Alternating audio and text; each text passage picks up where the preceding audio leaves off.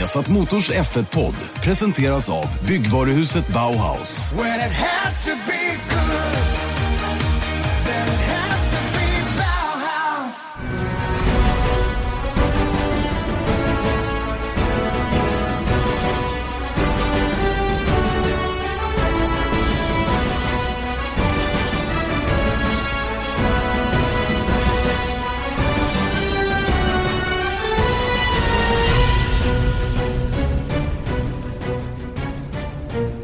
Ja, god första maj får man väl säga då. För det är nämligen då vi spelar in Viasat Motors Formel 1-podd, det senaste avsnittet. Eh, eh, första maj, eh, och det är, ja, det är ju Janne Blomqvist och Erik Stenborg, precis som vanligt då när det gäller eh, Viasat Motors Formel 1-podd. Och första maj som sagt, eh, där jag bor i Uppsala så är ju dagen efter valborg, den är ganska tung för de allra flesta. Jag vet inte hur det är där du befinner dig Erik.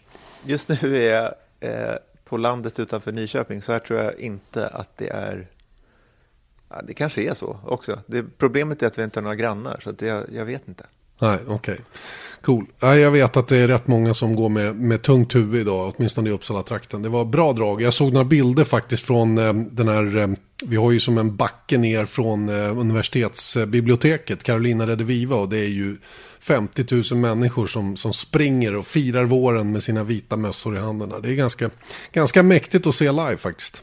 Mm, kan jag tänka mig. Mm. Är du ute och, har, du, har du redan demonstrerat eller ska du? Nej, men jag har tagit ett varv på gräsmattan ihop med hundarna. Och jag hade en svartvit rutig flagg och sen så var liksom parollen eh, mer racing åt alla. Och hela den grejen. Så att, eh, vi, vi kör på på vårt lilla vis här. Jag och ja, hundarna. Det, det är bra. Hur många var det som eh, påverkade det många? Med den här. Det var något rådjur som stod ute på åken där och det såg skrämt ut och drog iväg när vi kom där och stampade. Så det, det, är väl ungefär på den nivån. Ja, rådjuret vill inte ha racing. Tydligen jag, inte. Nej, det kan jag garantera nästan. Ja, Man blir orolig att det blir det ute i Lagga där. Laggas Grand Prix. Exakt, Laggas Grand Prix. Vad coolt det låter. Oj. Ja. Vilket lopp det skulle bli. Precis som det vi hade i söndags, om vi ska vara lite allvarligare då, nämligen eh, Azerbajdzjans Grand Prix. Och eh, vi måste ju konstatera, Erik, att det har varit en väldigt, väldigt bra inledning på den här säsongen. Tre eh, riktigt feta race och så ett som var lite sådär. Mm. Fast det som var lite sådär tycker jag var riktigt bra, för att det var i Melbourne och det är inte riktigt känt för superracen eh, generellt sett. Och då var det här, tycker jag, en bra bit över par. Och man blir under par, ännu mer. Eh, under par, ja det, kan, det där har jag alltid funderat på. Är det under eller över par när man är bra respektive dålig? Under par. I, i, golf, i golf är det ju över par, då är man ju dålig va? Är då är man dålig, ja just det. Och det här var under par då, ja, sett ja. i golf. Hur som helst, eh, det, det, som är grejen är ju att Melbourne är ju premiärracet. Det är ju sådana enorma förväntningar. Eh, det har varit en lång vinter och man vill att det ska dra igång och så blir det lite så här, uh, det, det liksom, man tappar momentet lite när det inte är det där braksuccén på en gång. Men det har ju hämtat sig väldigt, väldigt väl och jag blir lite förbannad och jag har sagt det flera gånger, inte minst i podden, att det är så fruktansvärt snabbt som det kommer omdömen om saker och ting. Man har, det är precis som att eh, det är precis som att man inte vet hur det har varit tidigare. Man har liksom ingen historia eller research bakåt som man baserar sina, sina tankegångar kring. Och det tycker jag är jättekonstigt. Nu när vi har sett tre kanonrace och ändå så diskuterar man ju förändringar till 2019 redan. Mm. Lite störigt måste jag säga. Ja men verkligen, och, och då är det ju... Det, det känns nästan bisarrt nu, för det som händer nu är att... För man pratar ju om att underlätta, att göra en liksom smärre, eller en ganska stor ändå, reglementesförändring till 2019, och, som vi har tagit upp i podden tidigare. Och då börjar man känna lite så här att, men vänta, gör ingenting nu mot det här reglementet som uppenbarligen fungerar bra. Och nu då 30 april så hade de ett möte i Baku då, gissar jag, mm. där de då har röstat igenom att det blir de här äh, reglementesförändringarna till nästa år. Berätta, för, för, för det första kan du inte berätta vad, vad det innebär? Um, till att börja med själva röstningsprocessen då. Det är ju ganska komplicerat att få igenom sådana förändringar så kort inpå. Men eh, de nuvarande reglerna när det gäller de här bitarna kräver att fyra team av tio finns med. Om de resterande parterna i den här gruppen som träffas då är med på noterna. Det vill säga Formel 1 själva, FIA, eh, promotorn och någon till. Eh, då, har, team, har de här fyra teamen med sig eh, resten så att säga, då är det lugnt va. Då kvittar det om de övriga sex Formel 1-teamen går emot. Och, eh, och det är på det sättet, man, det sätt man har tryckt igenom de här förändringarna som då är uppdelade i två kan man säga. Men de ligger på det här dynamiska planet. Det ena är ju att förändra framvingen, eh, göra dem lite mindre komplicerade, eh, att vingplanen blir större och att man ändrar också ändplattorna. Alltså de här, på, på utsidan av framvingen på varje sida så sitter det ju massa styrvingar för att styra luften runt däcket, framdäcket. Och det här skapar i sin tur en massa orolig luft längre bakåt och framförallt bakom bilen. Och den oroliga luften är ju inte bra för den som kommer bakom så kallad outwash kallas det då. Det ska man försöka ändra på och, och, få till någonting utav. Och här har det gjorts massor med research i CFD och säkert i vindtunnel också för att se hur man skulle kunna störa konceptet på bil i övrigt så lite som möjligt. För framvingen är ju så enormt viktig för hela konceptet. Och jag förstår att det är några av teamen, eller att många av teamen som har varit emot en förändring. Eh, men samtidigt så har några bestämt sig för att gå med. Williams har ju varit egentligen det enda som eh, utåt sett har bestämt sig för att det här är en bra idé. Det man också kommer att göra det är att eh, öka, och det här är ju nästan ännu jobbigare, det är att man kommer att göra större vingplan i bak, på bakvingen för att få högre DRS-effekt. Och det är inte heller bra, för då, alltså det där har vi haft svårt, eller vi, men FIA har haft väldigt svårt att att lägga sig på rätt nivå med DRS-användningen tidigare. Ska vi tillbaka till det som var med den gamla höga bakvingen när folk åkte förbi varandra 200 meter innan de skulle bromsa. Det är inte så jag vill se det. Jag ser hellre bataljer som slutade som den mellan Red Bull i helgen. Där det är precis på marginalen att man når fram. Men att mm. DRSen hjälper till att se till att du kommer upp i läge. Det är ju så man vill ha det. Mm. Och jag blir lite, ja, så framvingen har inte jag några problem med. För det, det, det vet man ju att det är väldigt, väldigt komplicerat. Och är mm. bara titta på en framving så blir man ju typ eh, förvirrad. Bara, mm. liksom, det är som att titta på någon sån här konstig cirkel som ska störa ut hjärnan. Det är ungefär så när jag tittar på de här framvingarna. Så det kan jag köpa, men jag förstår inte varför DRS-grejen. Och det, kan, det är mycket möjligt att det funkar jättebra i Australien, för där är det ju problem att nå hela vägen fram. Det var därför de hade tre DRS-zoner i, i Australien då, för att man skulle komma närmare och närmare. Men jag menar, kolla i Kina, kolla i Baku med mm. långa rakor. Ja men vadå, då är, då är det ju gone istället. Så det, mm. det, det är väldigt dumt om man då har Melbourne Grand Prix Circuit som det numera heter som en referens för att komma tillräckligt närmare en DRS. Ja, då, blir det ju, då blir det ju över, overkill liksom på alla andra banor. Ja. Ja, jag, jag, kan bara, jag kan bara hålla med. Jag tycker det är så urbota dumt. Jag har se, det, det ska vara svårt att köra om. Det ska vara så att du, det kräver extraordinära grejer för att komma upp i ett läge och köra förbi. Det ska inte... Jag menar, det, hela, hela idén med DRS var ju att hjälpa förare att komma i läge, inte att se till att själva omkörningen blir av. Och, det, och det, är ju, det är ju det som är skillnaden här. Och där, där är det filosofitänket är lite konstigt. Jag vet att jag inte har all den research som Fia har. Eh, och som Liberty har skaffat sig för att ta de här besluten. Mm. Men, men det är ju samma sak som de extra fem kilona i bränsle. Det är ju bara, det är ju som du sa förra veckan, det är ju populism. Det är ju bara för att stilla de som är kritiska mot att man kör lift and coast. Det har ju ingenting med verkligheten att göra. Mm. Och, och, och då underskattar man publiken tycker jag, om man gör sådana grejer. Så därför så... Um, jag, jag har alltid, i väldigt, väldigt många år bakåt så har jag varit liksom alltid tryggt lämnat allting till FIA, eller till FIA, Motorsportfederationen, när det gäller reg reglementets grejer. För jag tycker att nästan alltid så kommer man ut med någonting bra. Men det här vet jag 17 om jag tycker var så, så klokt ärligt talat. Va? Och den här paniken efter Australiens Grand Prix, den är jag helt oförstående till. Helt oförstående. Jag, jag kan inte ens ta in det. Att Nej. man fick sån panik alltså. Ja, men jag, kan, jag kan förstå att man fick panik då. Men nu borde man inte ha panik längre. Men... När man har sett tre, tre efterföljande racen har varit toppenbra och med en hel del omkörningar också. Mm. Där det mm. fungerat bra. Sen än en gång då, framvingen, fine. Det är väl det, det är bara dumt att, för det tror jag inte blir en så himla stor jobbig grej för team. Det är väl bara att göra, men ja, det, är ju enkelt att säga från, från min perspektiv i och för sig. Men jag tycker DRS-frågan är en annan mm. Det, det, är bara, det känns lite läskigt. Ja. Men det som jag tycker är intressant också, när man, det som har kommit ut från det här mötet är ju att eh, eftersom det bara var Williams som var, som var utåt sett då för beslutet eh, så trodde ju många teamchefer i Baku då som fick frågan att det här skulle nog inte gå igenom. Men sen så då gick det igenom och då säger då källor då till Autosport framförallt som jag har tittat på här att eh, att det var då Ferrari, Red Bull, Renault, McLaren och Toro Rosso och Haas som röstade nej. Mm. Ehm, och att Williams då var, var, fick eh, sällskap av Mercedes, Force India och Sauber mm. i ja då. Känns, ehm. känns det troligt det med tanke på kopplingen mellan Sauber och Ferrari och Ferrari de som då säger nej?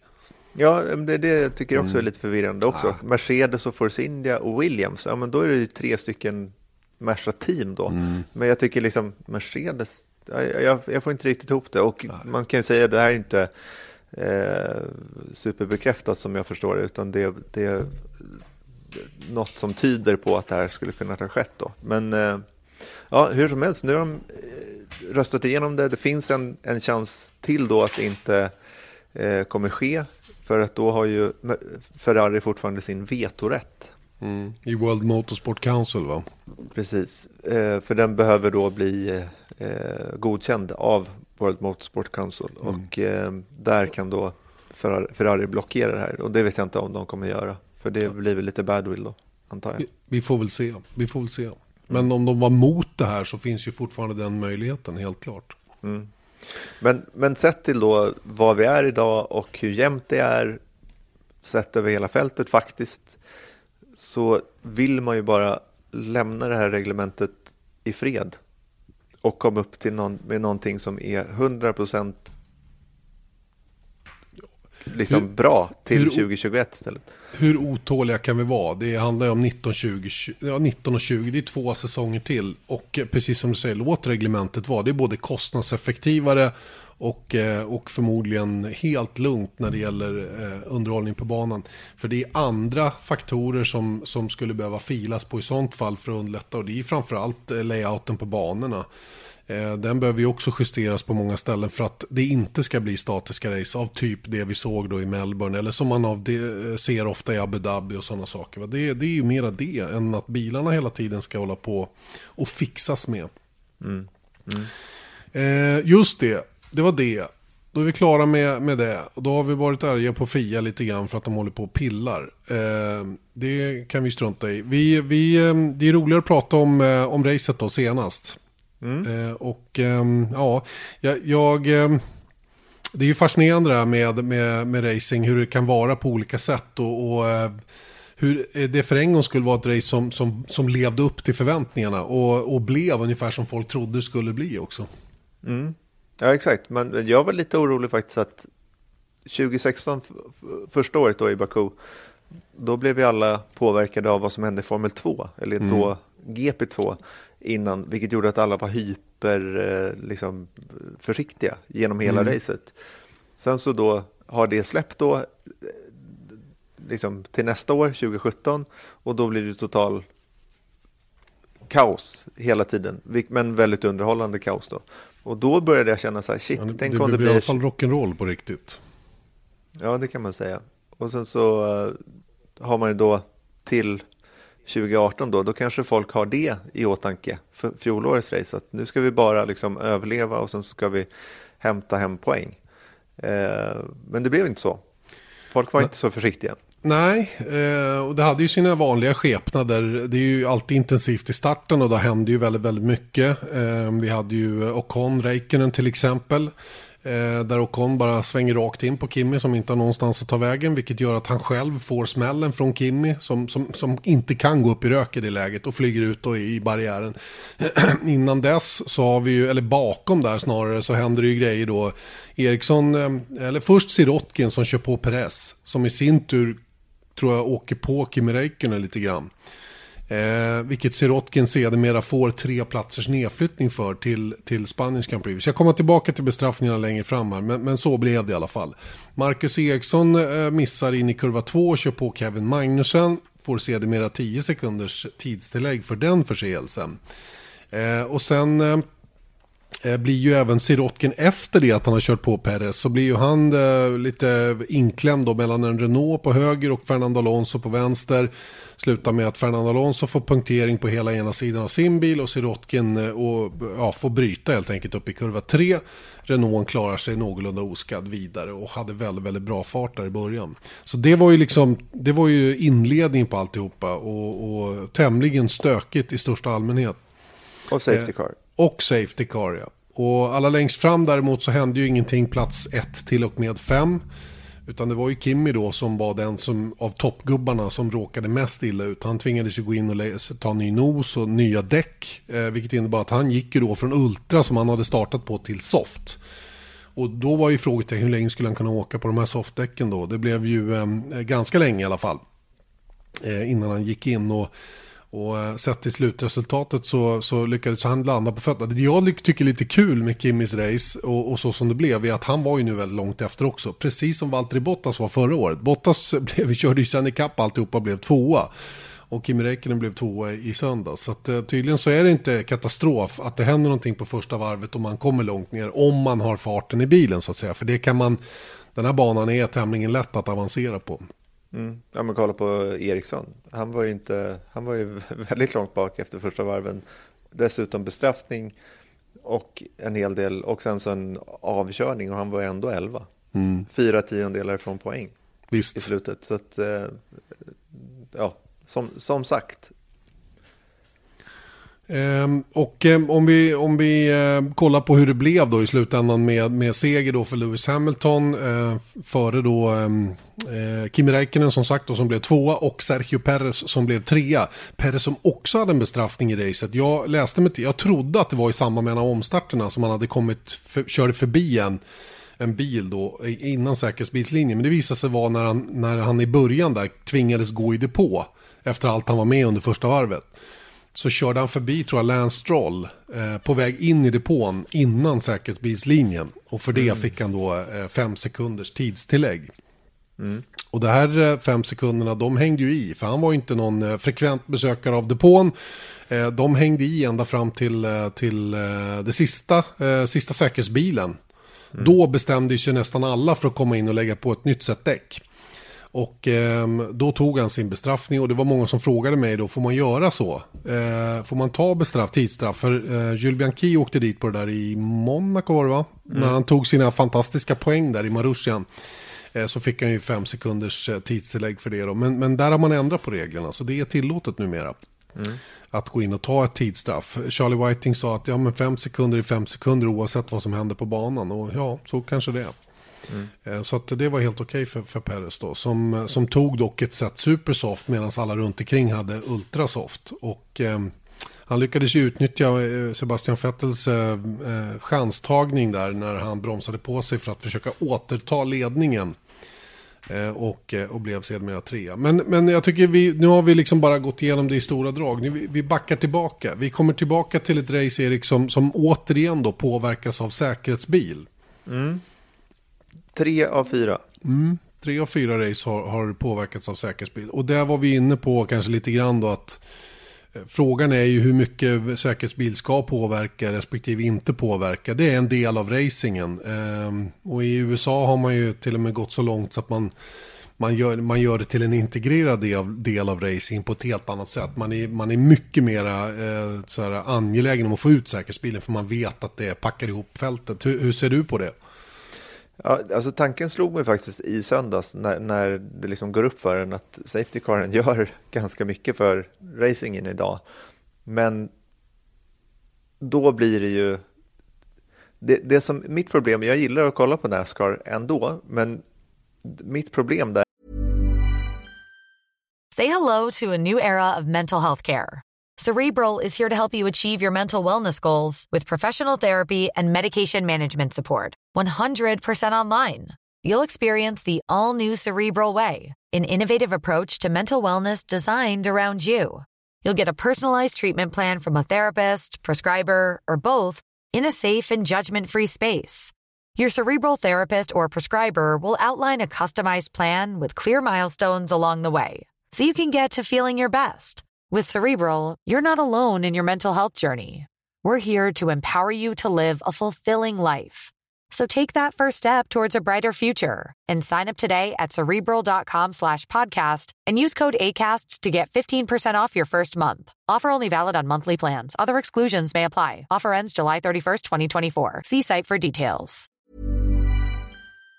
Det är lite att jag tycker att allting upp till de sista varven är pointless. Mm. För att det kommer liksom, det spelar ingen roll hur, vilken jättelucka man tar eller vad, för det kommer ändå liksom packas ihop sen. Så det är nästan så att det är bara en väntan fram till de tio, tio sista varven. Mm. Och, och det har, skulle man liksom göra en sån här grej i Formel 1 också, då skulle det bli samma sak. Att då är det nästan ingen poäng att köra 70 varv, utan kör 10 då. Mm. Kör, sprint, kör en sprint bara. Ja. Och sen så har de ju byggt in, byggt in det med Nascar då så att det är olika grejer så man får poäng mitt i mm. racet också. Och det är väl kul då, men, men eh, det blir... Ja, kontentan är att jag tycker att det går alldeles för långt. Men däremot när det är... Eh, jag menar, säkerhetsbilen kommer ut för att det ska vara eh, av säkerhetsmässiga grunder, att det måste ta, ta ner farten längs banan för att det har hänt någonting.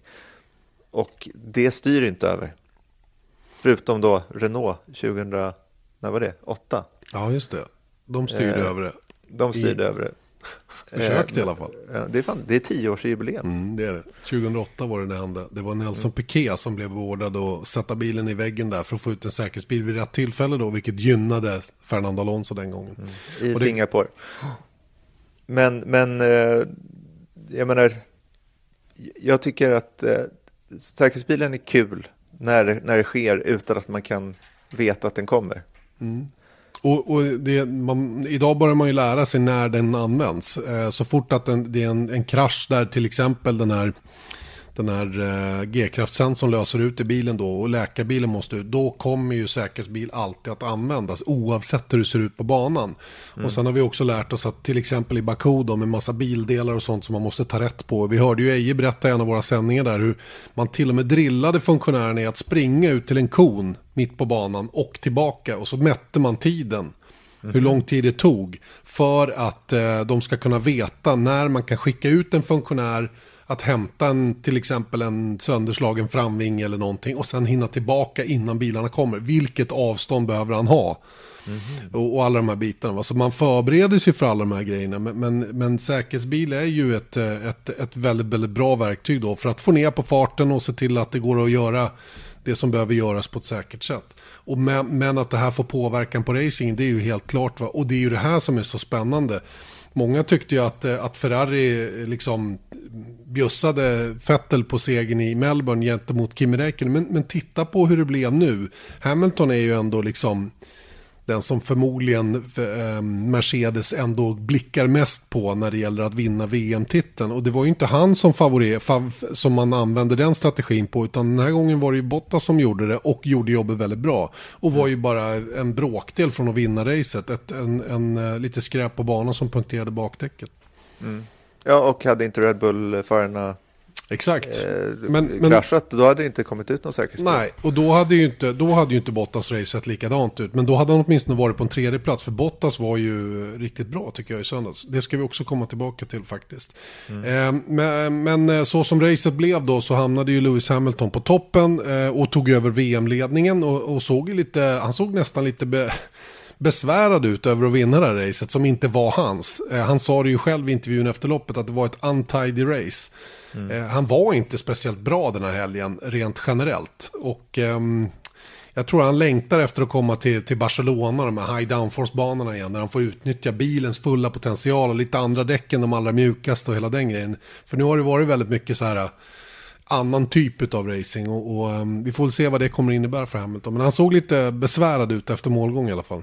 Ja, i minsta fall väldigt, väldigt ödmjuk att han vann. Jag menar, mm. för han, han förstod ju att han inte hade egentligen så att säga förtjänat den. Liksom. Och, och, jag tror bara att en tanke som slog mig när man hörde att han var så himla, liksom, så här, ja, det här var liksom, det, det, var inte bra, jag fick den till skänks, men så här, ja, jag får vara glad över att jag inte gav upp. Liksom.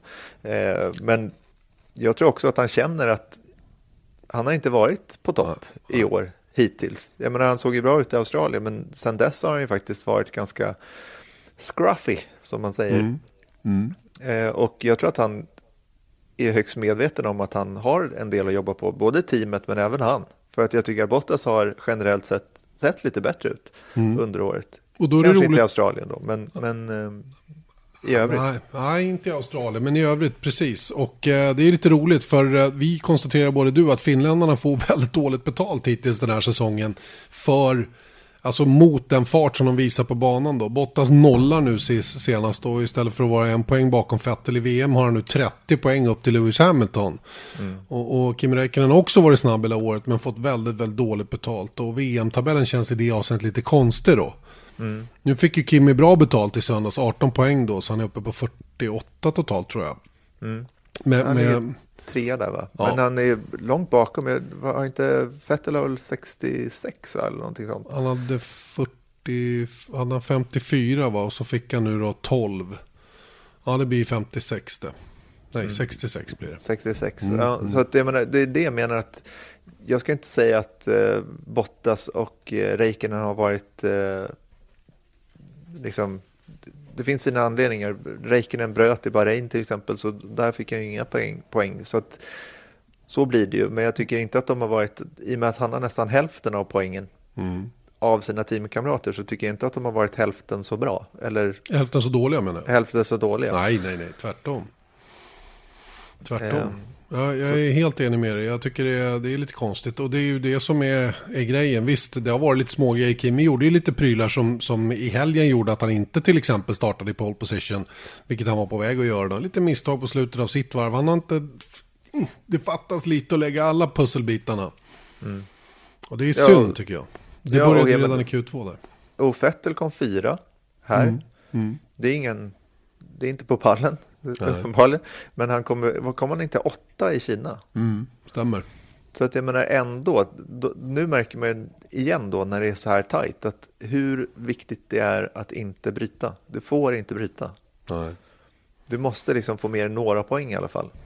Och, eh, annars så halkar du efter. För jag, än en gång, jag tycker inte Bottas och eh, Räikkönens positioner i VM-tabellen berättar hela historien. Nej, och framförallt inte mängden av poäng som de har tagit i förhållande till sina teamkamrater. Och det där är ju intressant det där. För poäng, poäng eh, jag har sagt det någon gång att poäng är bara viktigt för de två som är längst fram och slåss om VM-titeln. I övrigt så kan det ju kvitta. Men, men det, det är ju någonting att köra om och det är ett incitament så att säga. Va? Men poängfördelning och hur det ser ut i en, i en eh, resultatlista i det avseendet säger ofta inte hela sanningen. Nej. Nej.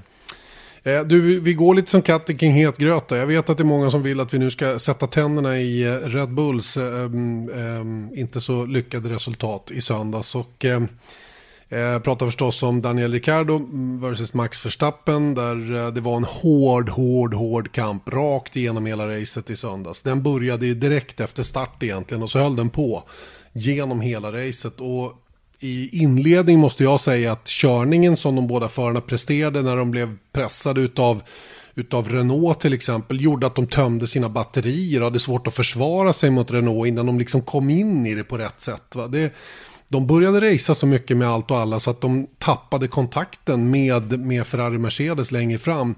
Eh, vilket gjorde att deras chanser till en pallplats var ju more or less gone tidigt.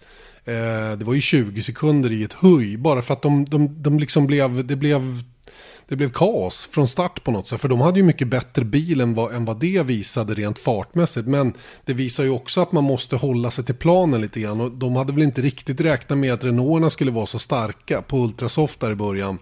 Och det, det tog mycket. Men jag menar, Verstappen åkte ju och tömde sitt batteri för att försvara sig. Han använde ju overtake button för att inte bli omkörd på den här långa rakan. Och han var ju livrädd om banposition, vilket han tappade i Australien till exempel. Och det kostade honom mycket den gången. Och, och allt det här höll på genom hela racet. Ricardo försökte köra om Verstappen och, och vice versa. Och det var fantastisk racing, men ur ett teamperspektiv och rent resultatmässigt så var det kanske inte det mest kloka racet som Red Bull-förarna gjorde. Någon av dem egentligen. Eh, och eh, jag ska bara avsluta lite grann, för sen var det ju, tycker jag, en avgörande grej då på slutet när Daniel Ricciardo innan depåstoppet klämde sig förbi Max Verstappen i en riktigt hårig manöver som man till slut lyckades hålla ihop. Och jag var ju medveten om att han gjorde den för att få förtur in i depån. Då skulle han ju kunna komma in först och, och då kunna dryga ut den luckan ner till Max Verstappen. Men, men på något konstigt sätt så fick han inte till det där. Jag vet inte om depåstoppet blev dåligt eller om det var utvarvet i sig som inte blev bra. Men när Verstappen kommer in varvet efter, då är han framför igen. Mm. Och det är det som leder fram till det som sen avslutar deras race med den här själva incidenten så att säga. Så att jag, jag, måste säga att hela racet för Red Bull var lite konstigt. Att... Eh, det går liksom inte riktigt att sätta finger på va, men de, de raceade så hårt och det kan man hylla hur mycket man vill. Att de racear och det är fantastiskt och tycker, jag har haft en mailkonversation med en kille som tycker vi är de mest gnälliga gubbar som finns som hade synpunkter på att de här killarna raceade varandra. Ja, det, det gjorde de och det var ju otroligt kul att titta på men det blev inte så bra för deras resultat. Och det är ändå det man kör för på något sätt va, så det finns ju någon form av kombination av coola manöver som vi såg Ricardo genomföra i Kina mot hur det blev här i Baku. Där, där det inte riktigt blev lika lyckosamt. Plus att de racear varandra och det slutar med att de båda får bryta. Mm. Nej, och det är ju inte bra. Absolut inte. Nej, men det är Samtidigt det så är det ju super eh, där och då. Men om man ser i större perspektiv, även i underhållningssyfte, är ju att det är kul om Red Bull är med och slåss om VM och när de tappar sådana här poäng, då Nej, det är inte bra. Ser det ju sämre ut. Verkligen. Nej, det är jättetråkigt tycker jag. Och det, det, och det, är, ju, det är ju sånt som en, en sån som Eje tittar på i ett sånt här race. För han ser ju den större bilden lite mer. Och därför så kanske han var lite extra kritisk mot Max Verstappen i första hand. Då, som var väldigt defensiv, aggressivt defensiv. Så att säga då. Vilket gjorde att han tappade kontakten framåt. Eh, och det var ju det som sedermera blev det mest kostsamma av alltihopa. Um, om vi kommer till själva incidenten då Erik. Där, vi kanske inte är helt överens om, om, om den. För jag, jag, när vi pratade efter, efter loppet du och jag så var du inte lika... Jag var rätt tydlig med hur jag tyckte det var. Du var inte riktigt lika, lika inne på. Om du får börja och tycka så kanske jag kan fylla på. Ja, alltså för, jag vet inte om man ens ska liksom ge sig på att vi förutsätter att folk har sett den här incidenten. Och mm. min egentligen enda tanke runt det här. Att jag, jag, jag, om man bortser då från att så här portionera ut ansvar. Eh, ja, det var 63 procent för Stappen och 47, mm. eh, eh, ja, det blir ju inte rätt heller. Men, 63-37. 63-37 eh, Förstappen, Ricciardo. Det är inte mm. det, jag, det jag säger, utan jag menar bara att nu var de i luven på varandra. Alltså det här var ju en fight, en ego-fight. Exakt, jag, också. exakt, exakt. Vilket jag menar bara att, att Ricciardo, det var en risky move han försökte sig på. Mm. För att jag menar bakom, när han går in, och det säger han ju själv också, att när han går in bakom sådär, eh, och då, då tappar ju han all downforce i inbromsning. Så även om de bromsar ungefär samtidigt, då har ju inte han någon bromsverkan alls, för att han är ju precis under bakvingen. Han, mm. han har ju inget tryck på sina vingar. Så, så som det blev ja. Så som det blev, nej. Mm. Och sen så rör sig Verstappen lite grann och... och eh, men, men, det har han redan gjort då? Eller, ja, han gör det samtidigt ja. Mm. ja. Han försöker ju, ja men det här går ju på, hela skeendet tar ju typ en halv sekund. Exakt. Så, så det är här jag menar att jag tror bara att, jag ser ändå att Ricciardo har ett ansvar i det där också. Det var svårt att komma ur det där om inte allting skulle gå helt perfekt. Och kör du mot Max Verstappen så är det kanske inte helt sannolikt att allting ska gå helt som du tänker dig. Nej, nej.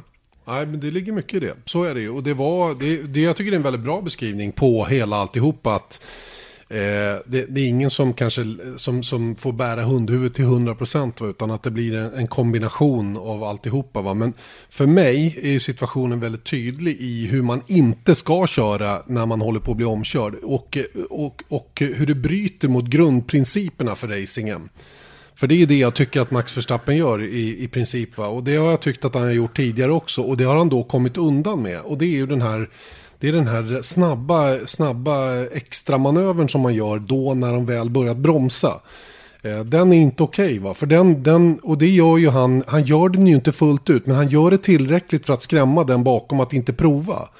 Och, det är ju, och det är ju det han vill uppnå så att säga va. Men om vi har den typen av körning att du, för Ricardo är ju ganska tydlig i sina intentioner. Han rycker ju ratten utåt höger för att få med sig förstappen ut, att täcka utsidan.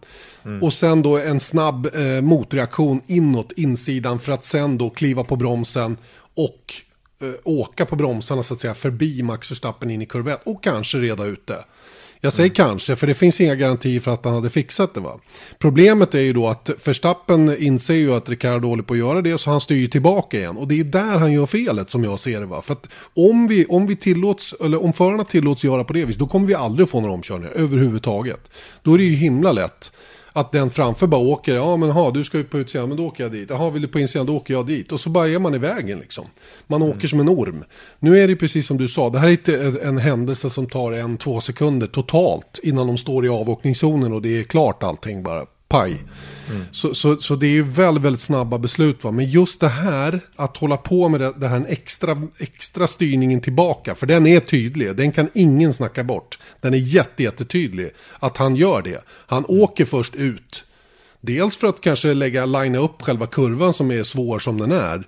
Men framförallt för att liksom se till att Ricardo inte rundar honom. För det har ju han också provat. Och det var ju flera andra förare som provade det också. Om man märker att den, den som man ska köra om bestämmer sig för insidan. För det är det jag menar. Bestäm dig för antingen tar du in eller så tar du utsidan. Sen är det upp till den som håller på att köra om att, att göra jobbet så gott den kan och därmed kunna köra förbi. Det är för mig grundprinciperna i racing. Men om du tar bort den ena möjligheten av de här två eh, vilket jag uppfattar att Verstappen gör, då tycker jag att man bryter mot de här grundprinciperna. Och det gillar inte jag va. Och jag gillar inte för det får väldigt stora konsekvenser. Och det här gick ju dessutom i oerhört hög fart. Sen, är det ju, sen har båda ett, ett stort ansvar i att det blev som det blev. Och jag vet att Ricardo tvingades till den här jävla manövern för att han hade strulat till det i depåstoppet och tappat det här fina läget han hade. För då gjorde han ju omkörningen himla snyggt. Innan depåstoppet. Så att, eh, och han visste ju att nu har jag en chans här i början. Batteriet var fullt, han gav allt han hade, pang bom bara. Och, och, så, och, och Verstappen, eh, han är ju superaggressiv åt båda hållen. Både defensivt och offensivt. Och det, den här gången kostade de båda ett väldigt fint resultat. Och det är det här som man kan tycka att Eje och jag kanske är gnälliga runt omkring. Att man, att man låter sina förare göra på det här viset och det får så stora konsekvenser för teamet som du sa. Va? Vi vill ju ha Red Bull med där framme och då kan man inte, då kan man inte köra publikfriande hela tiden utan då måste man tänka till lite också. Och det är det jag tycker de inte gjorde, någon av dem egentligen. Nej. Nej, men där och då, det var jätteunderhållande. Men jag ska ta upp ett annat perspektiv som, som jag tyckte Jolyon Palmer gjorde bra i en eh, eh, krönika som han skriver för BBC, tror jag. Och då beskriver han om att dels då är det, jag menar i grundläggande, rent grundläggande så är det Verstappens ansvar sättet han kör. Att det, det är inte bra heller, det håller han med också. Sen så är det då att Ricciardo har vetskapen om hur Verstappen kör. Och det måste han ta med i backning och det pratar han om racecraft också. Ve, Känna sina mottävlare. Mm. Vilket han gjorde då att nu drog han en rövare mot en, en, en risky eh, mottävlare så att säga. Eh, och var skulle jag komma sen? Jo, just det. Det han beskriver också när han har tittat på den här situationen är att Ricciardo visar sina kort väldigt tidigt i omkörningen vad han tänker göra. Vilket då gör att Verstappen inte är överraskad i att han tänker gå på insidan. Och därför styr han tillbaks. Det han menade också att det, hade han varit ännu kallare, Ricciardo, och inte visat sin intention var han skulle gå, då hade kanske Verstappen inte gjort den här grejen. Förstår du? Att det, det, är liksom, det, det han beskriver är Stämmer inte att portionera, portionera ut eh, ansvaret, utan bara ge en alternativ skeende på hur omkörningen kanske hade lyckats eller inte slutat med en krasch i alla fall. Nej, men jag håller med dig va. Men, men, men återigen va, precis som han beskriver det här. Så är det ju någonting som blir tokigt här. När du måste, du måste ta med som omkörande bil i beaktning att den här galningen framför. Han har tendenser att byta spår fler än en gång. Han gör det dessutom under inbromsning.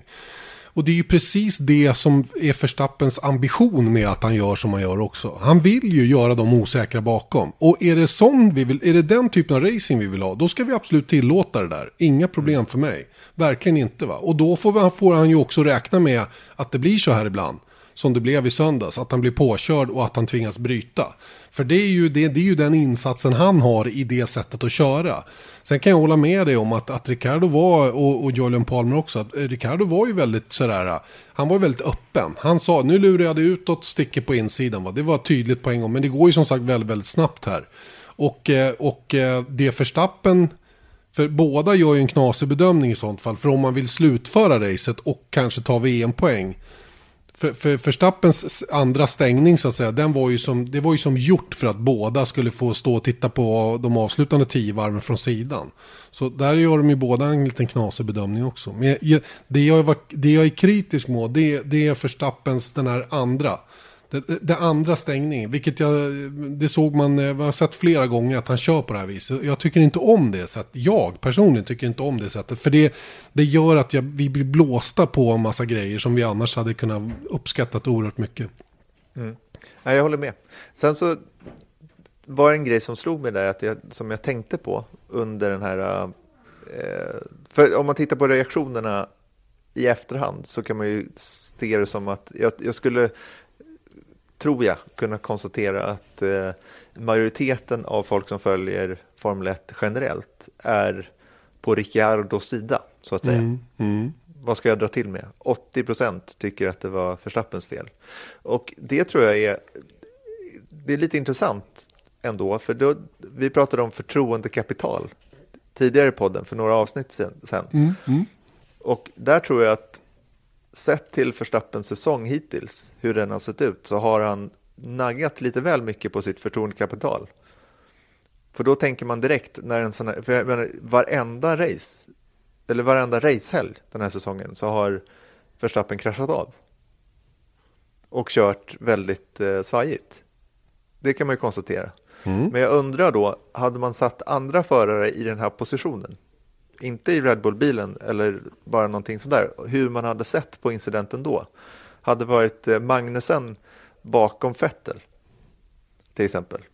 Mm. Hur hade man sett på, hur hade man portionerat ut ansvaret då? Hade man satt Eriksson i bilen framför med Alonso jagandes bakom? Hur hade man tänkt på det då?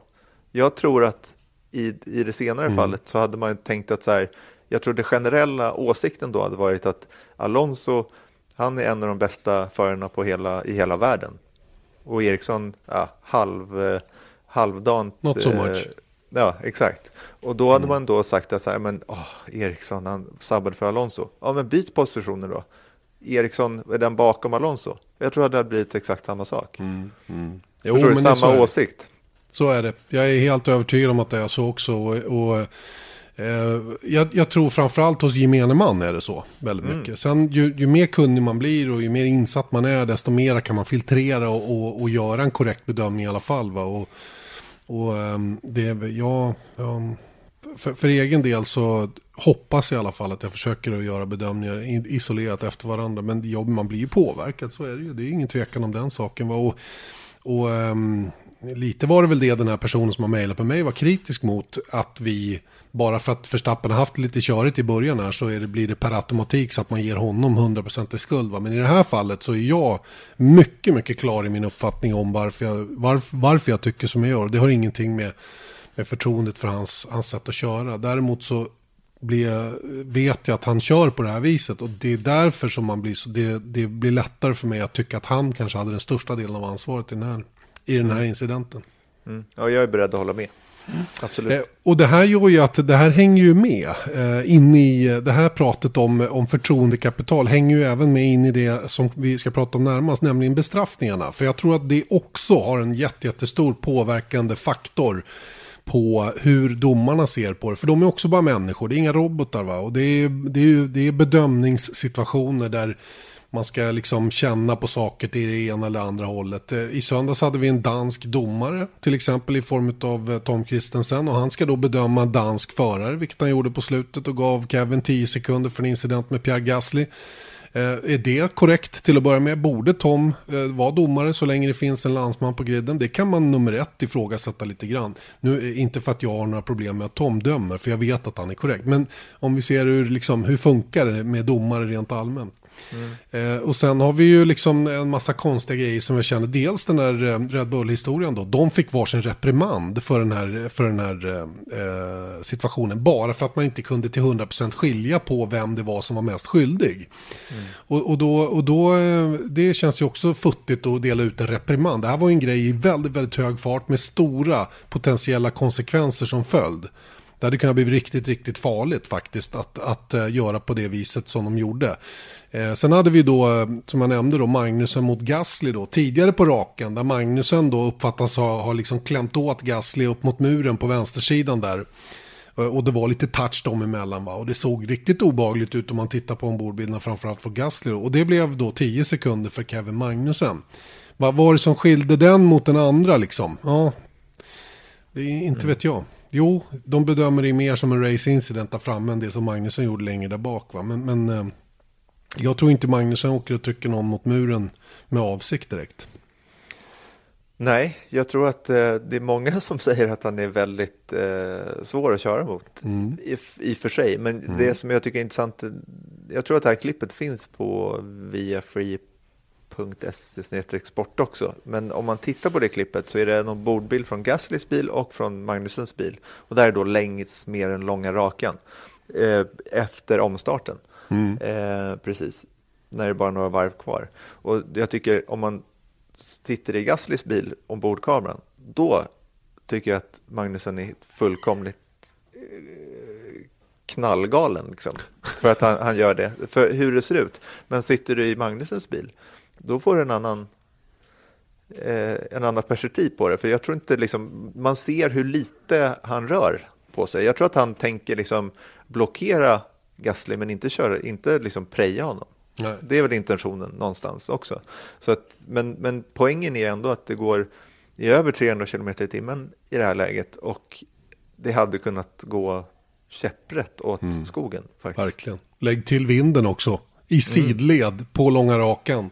Som utan vidare kan rycka tag i en bil eh, och flytta den de decimeterna som, som krävs för att en sån där attack eh, eller kontakt ska kunna bli, bli, eh, bli aktuell då. Gasly mm. var väldigt irriterad i alla fall på Magnusson efteråt. Men nu kom vi bort lite från ämnet för det vi pratade om lite. Hur värderas förarnas olika incidenter beroende på vem de är? Mm. Eh, och, det, och det tror jag, jag, jag tror det utan att ha något som ett belägg. Det här är en högst känslomässig åsikt och, och väldigt så här spekulativa. Men, men jag, tror att, jag tror att förarna bedöms olika beroende på vem de är. Det tror jag. Mm. Ja, men jag tror också det. det. det. måste nästan bli så, för om man tittar på till exempel Ocon Räikkönen där i början. Mm. Ja, jag, jag såg intervjun med Ocon efteråt och han, är ju, han står ju rakryggad, tittar rakt in i reportens ögon och säger så här att han, det här är 100% Räikkönens fel. Absolut, mm. ingen mm. som helst. Jag har ingenting att, att uh, inget ansvar här överhuvudtaget. Ja, det kanske också påverkar när någon mm. är så benhård.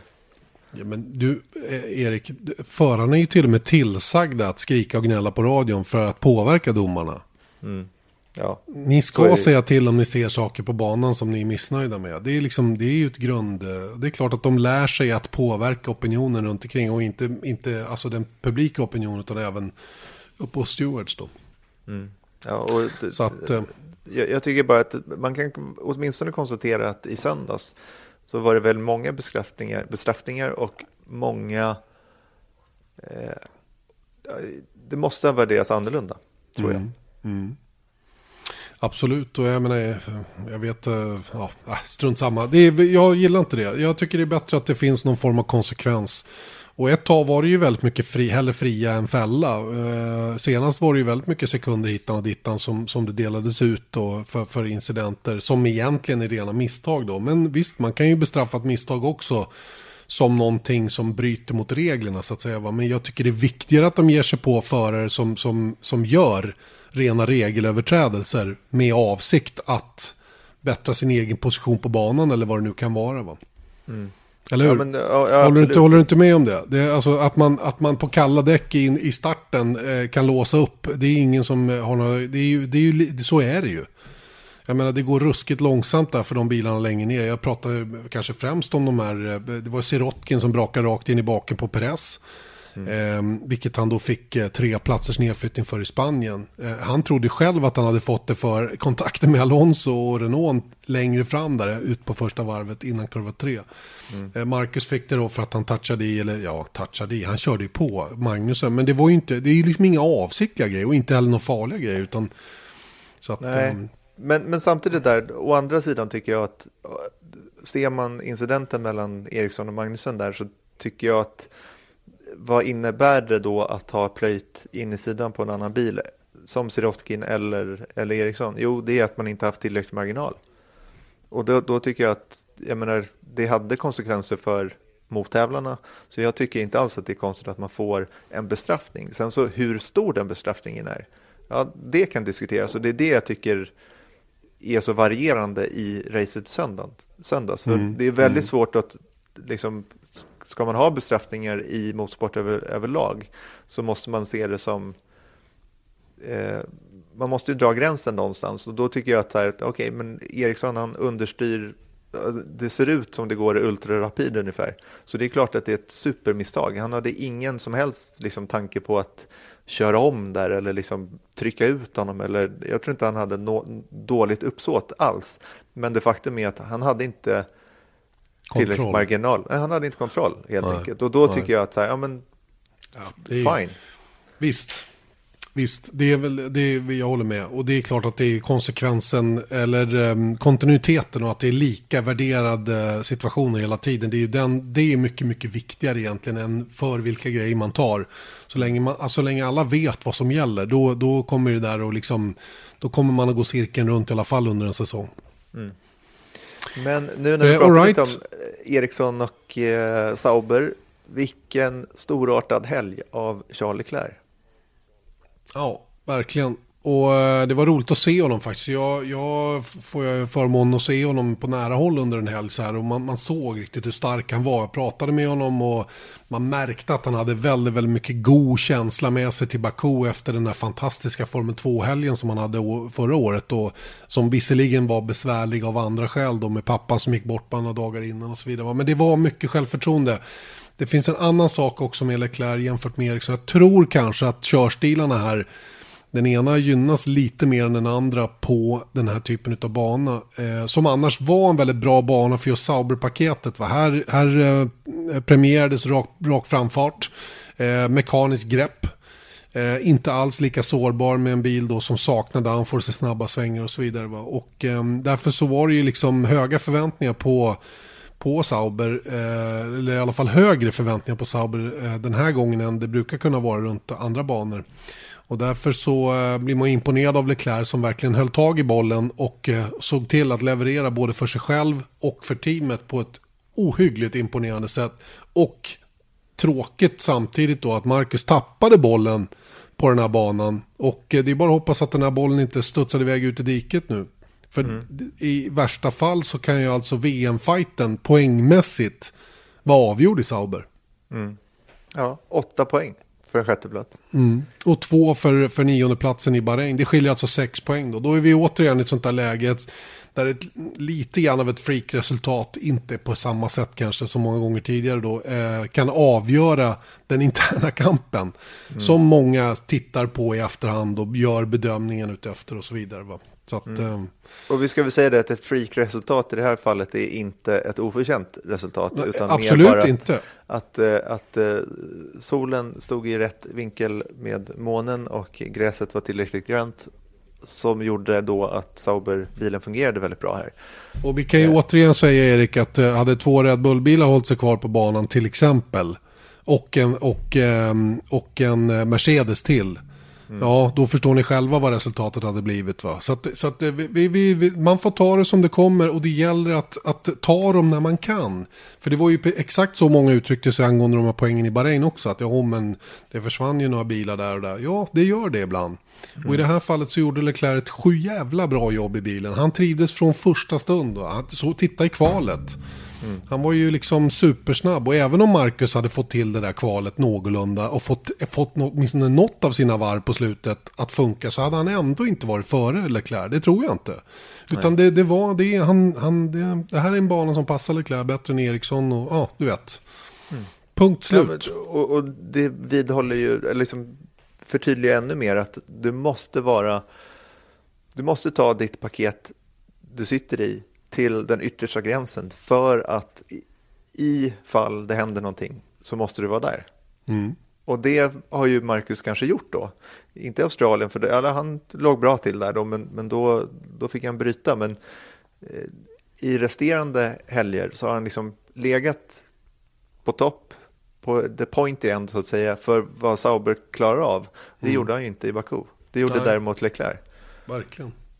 Och jag menar, det handlar ju också om att här, hade han inte kört in i, i eh, Magnusson, hade han inte eh, bromsat på sig där också, ja, då han kanske han kanske kunnat komma sjua, åtta. Mm, mm. Jag menar, han var trots det här ganska bedrövliga racet så var han ändå fyra tiondelar från att komma tia och ta poäng. Verkligen. Och då med en bil som var rätt illa skadad när det gäller eh, aerodynamiken och eh, ja, allmänt svårkörd i största allmänhet. Så att, eh, nej, men så, så, små, så små är marginalerna. Men det är strunt samma. Det är bara att, att skita den här helgen. För den var inte bra för Marcus Eriksson rakt igenom. Det började redan på träningarna tycker jag med växellådan och, och växellådan. Att han inte fick köra, det, det påverkar inte så mycket.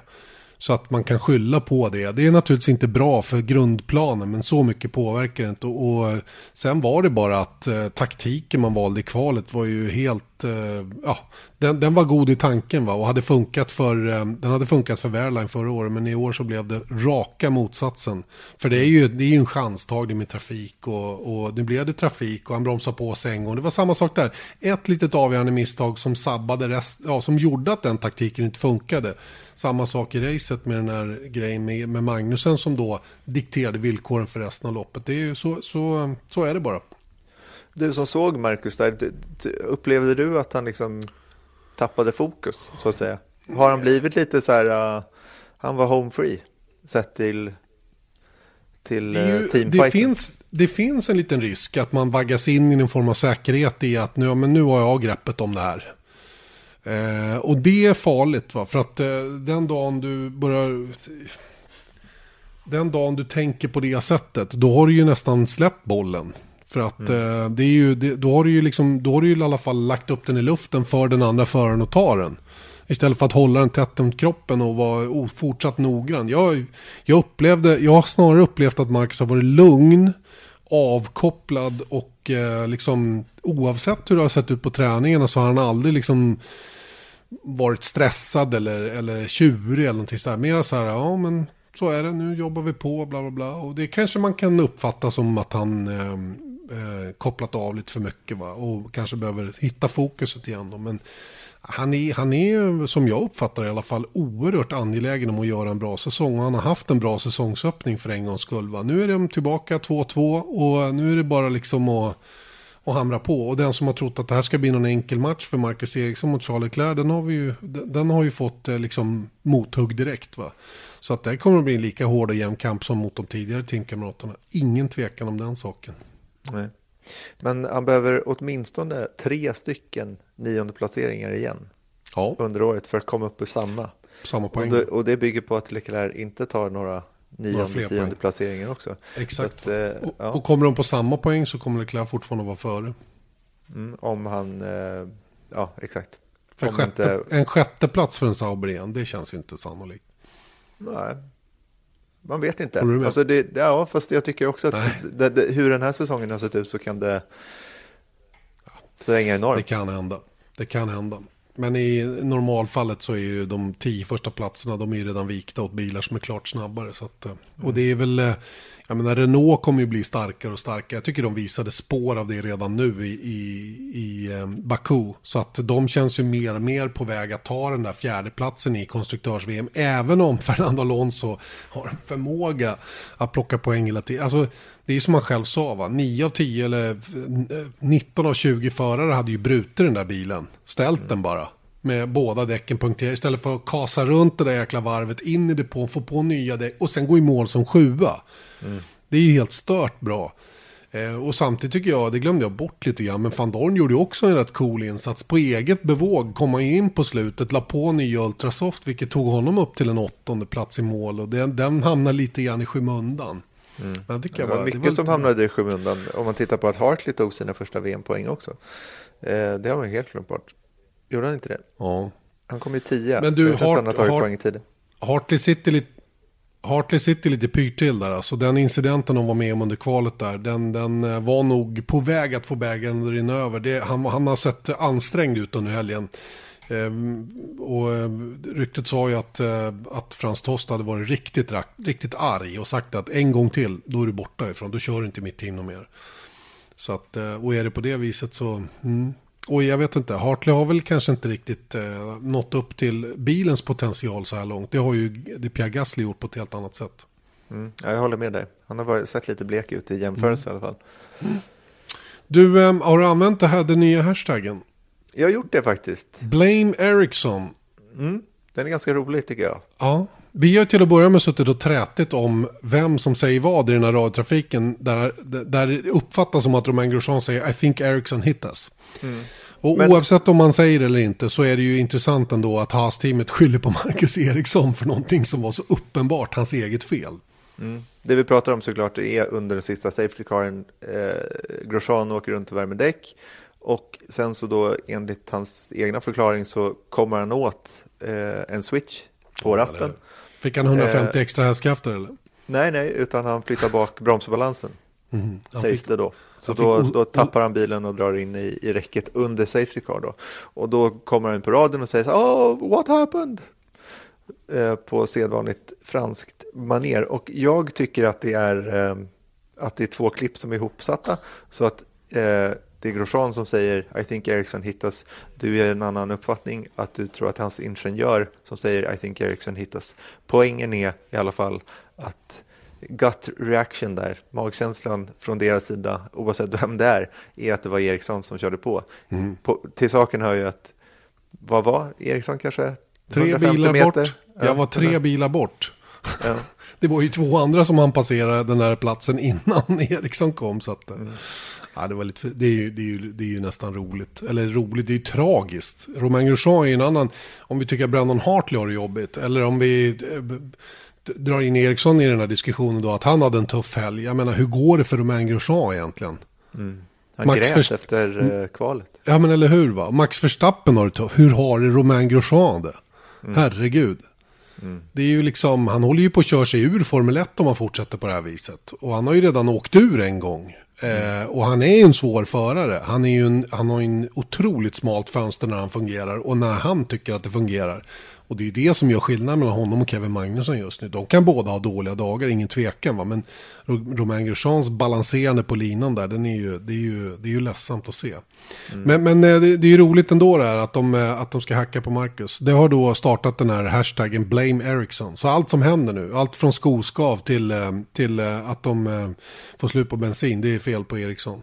Ja, Bottas punktering, det var Eriksson och, oh. och uh, Red Bull-förarna, det var också Eriksson och allting. Så att, nej, det var bara som en, det, det säger också lite om eh, gemene mans syn på, på Grosjean just nu också kanske. Att det var ingen riktigt som, det hade ju varit lätt då för man, man såg inte och har man inte superkoll på vad Eriksson var på banan som tittare eller som kommentator när man inte bryr sig om folk längre bak i fältet. Då hade man ju lätt kunnat säga, ja okej, okay. eh, det var tydligen Eriksson som gjorde någonting men det var ju ingen som har hakat Nej. på det då. Utan, eh, Dessbättre var det ganska tydliga reprisbilder. Ja, det var bra att de, att de la ut mm, det faktiskt. Mm. Men eh, ja, så kan det gå. Ja, verkligen. Usch, det där är inte roligt. Vi ska inte skratta åt det. Marcus gjorde något liknande i Monaco förra året. Mm. Bara braka rakt av bakom säkerhetsbil. Det är ju svårt att åka de här bilarna när det går långsamt och när man eh, jobbar och försöker hålla temperaturdäcket. Det är klart att när man misstaget sker så, så, eh, så är det ju, det, kän, det man kan inte känna sig dummare antar jag. Eh, utan det, det är ju liksom det bara är, usch, det måste vara fruktansvärt va. Men, men eh, man får inte glömma att... Ja, Bottas, Bottas. gjorde, gjorde det i fjol. I Kina. Eh, Felipe Nassi gjorde det i- under tredje träningen i Kanada också. Just det, han åkte upp där bakvingen. Ja, öppnade bakvingen mitt på rakan och, Mm. och höll på att värma däck så han drog av också. Så att jag menar, saker och ting kan hända. Absolut, ingen tvekan om den saken. Så att vi, vi, eh, vi, vi låter Grosjean vara lite grann. Men det var lite roligt att han försökte skylla på någon annan. Det är inte så charmigt ärligt talat. Så det är fan, där får han skärpa sig kort och gott. Verkligen. Ta på dig skiten själv. Så är uppmaningen från Formel 1-podden. Eh, ja, eh, vi kommer då till eh, avslutningen av eh, det här poddavsnittet. Inte helt slut ännu, det finns mycket att avhandla idag. Till att börja med en lyssnarfråga, Erik. Lyssnarfrågan presenteras av Pirelli. Pirelli. Power is nothing without control.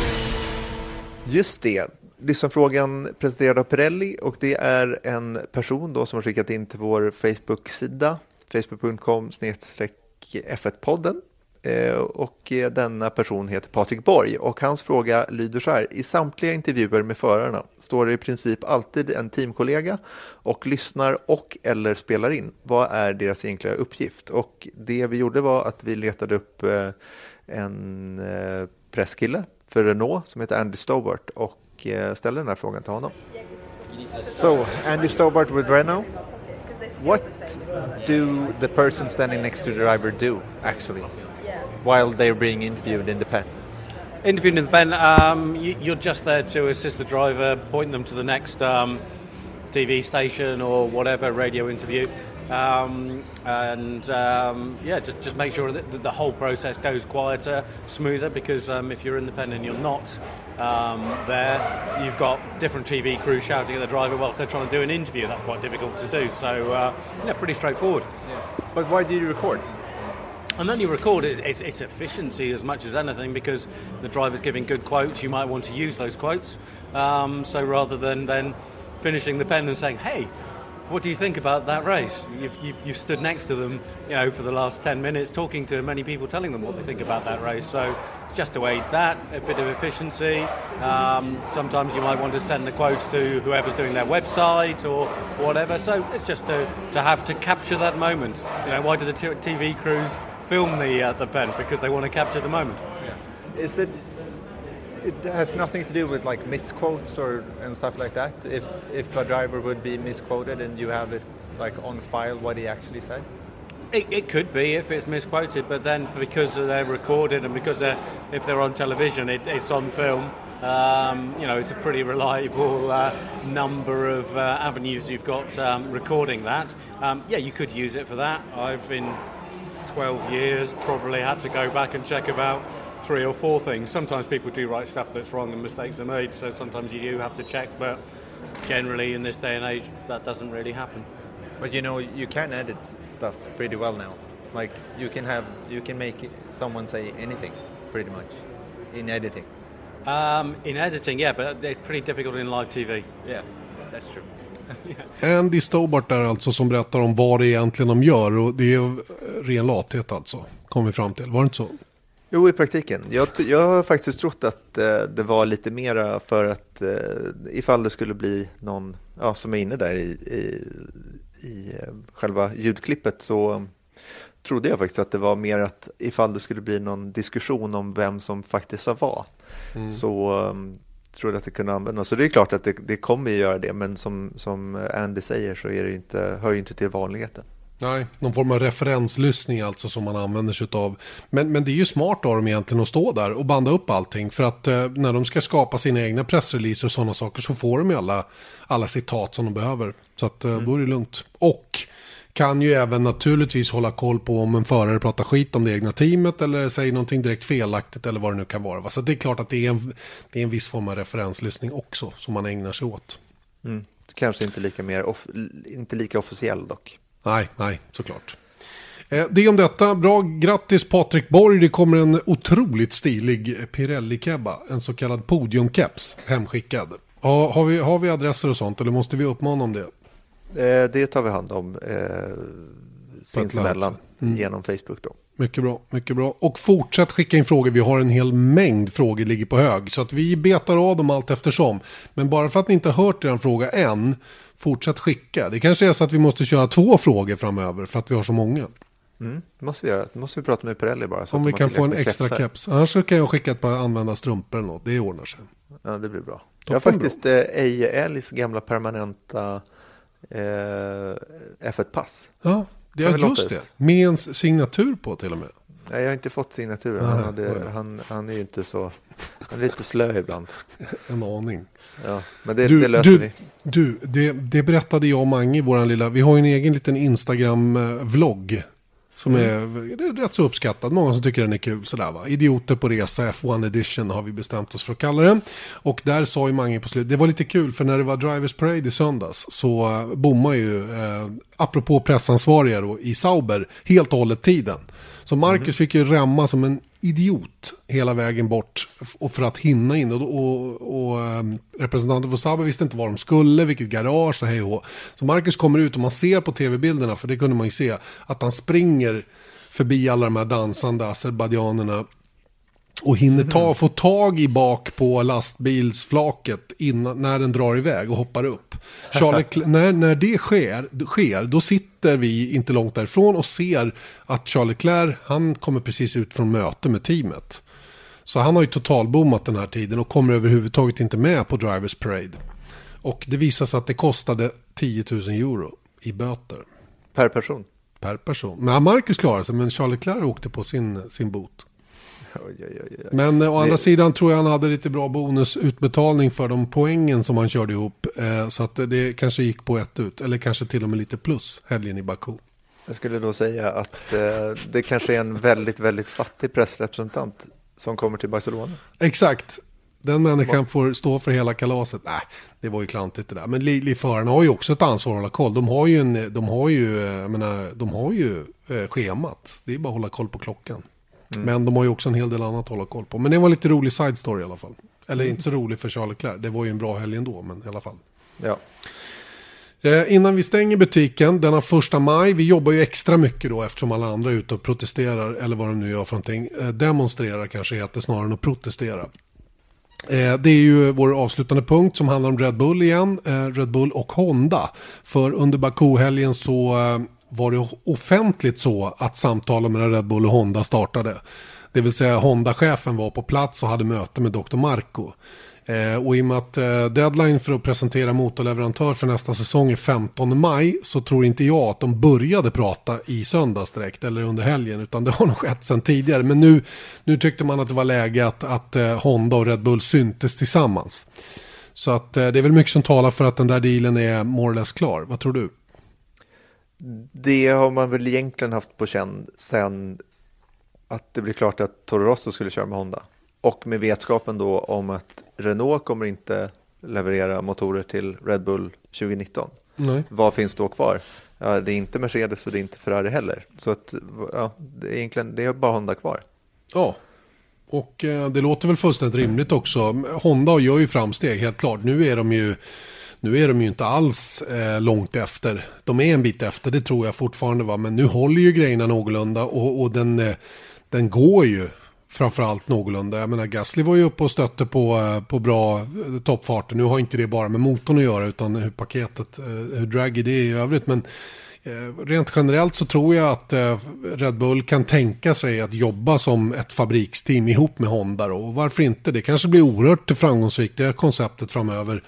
Sen, sen är det, handlar det ju om 19 och 20 i första hand då. Sen kommer det ju ett nytt reglemente och vad det betyder om Aston Martin kommer in som, som Red Bull har som huvudsponsor nu. Det är ju, det är ju en annan femma va. Så att, eh, 19 och 20 i alla fall tror åtminstone jag att Red Bull och Honda kommer att jobba tillsammans. Mm. Och det kommer vi få reda på väldigt snart. Ja, det tror jag. Det, det, det tror jag. Jag vet inte om de måste berätta det den 15 maj. Men 15 maj står det ju i Fias eh, Sporting Regulation eller Technical Regulation eller vad det är. Att de ska berätta då eh, vilken motor de kommer att köra med då. Från och med nästa säsong. Mm. Om man säger så här, det kommer komma tillräckligt mycket frågor som gör att de kommer ha anledning att svara ja eller nej. Exakt. Exakt. Så är det. Eh, jaha, det var det. Ja, det var det. Jag Eller? tänkte bara att, här, att nu när det är första maj, då kommer man ihåg vad som hände där för 24 år sedan. Så vi kan väl i alla fall Ja, eh, uppmärksamma det. Att eh, det var då 24 års jubileumet och det är väl inget jubileum kanske, men, men eh, alla Minnesdagen. fall minnesdagen eh, för den där mörka helgen på Imola då dels Rubens Barrichello kraschade svårt och, och var nära att stryka med på fredagen. Sen så Eh, Roland Ratzenberger som, som kraschade och eh, avled på lördagen och sen så eh, som de flesta kommer ihåg då samma sak för Ayrton Senna sen på söndagen. Fruktansvärd helg. Och som man får hoppas att vi aldrig mera ska behöva uppleva. Mm. Ja, fy bubblan. Usch. Mycket, mycket tråkigt, men vi får ändå skänka Ayrton Senna en liten extra tanke och givetvis också Roland Ratzenberger då, som var den som omkom då på lördagen.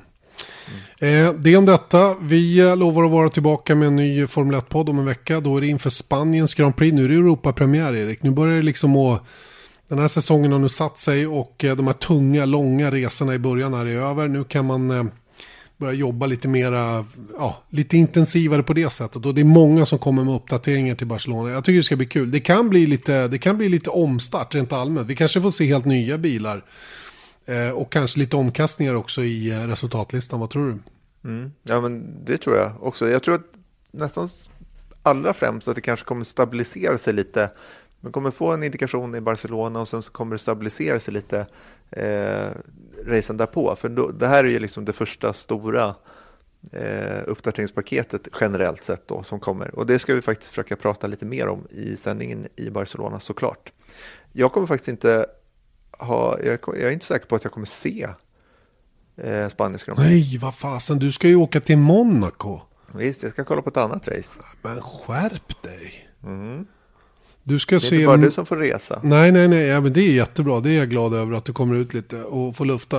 Eh, det är bara bra. Eh, Monaco Historic Grand Prix, ja. vad kul. Mm. 250 bilar var det det, anmälda i år. I olika klasser. Mm. Det är hur mycket som helst, så det är mycket att hålla koll på. Nej, men det vi ska göra är såklart att eh, som, som utlovat i den presskonferens som vi hade under försäsongen så eh, kommer vi göra en del reportage och inslag med Nina Kennedy, alltså Ronny Petterssons dotter. Eh, och det här kommer att bli det första. Och eh, går allting som vi vill så kommer vi se det både på Viaplay som en lite längre version och sen så eh, eh, ja, som ett reportage i, spänn, i sändningen då inför Monacos GP om, ja, det är ju en Det är månad. snart det. Det är snart det. Så det ska Ja, bli men, jättekul. Ja, vad roligt. Då ser vi fram emot den resan för din del. Eh, Spaniens Grand Prix kommer att bli eh, kul. Då har vi Rickard Rudell tillbaka till exempel. Det blir hans premiärrace den här, eh, den här säsongen. Och eh, vi kommer att bjuda på en massa kul där. Så att det blir toppen. Vi, eh, vi tackar för oss så länge. Formel 1-podden tillbaka om en vecka igen. Tills dess säger vi mors. Vesat Motors F1-podd presenterades av byggvaruhuset Bauhaus.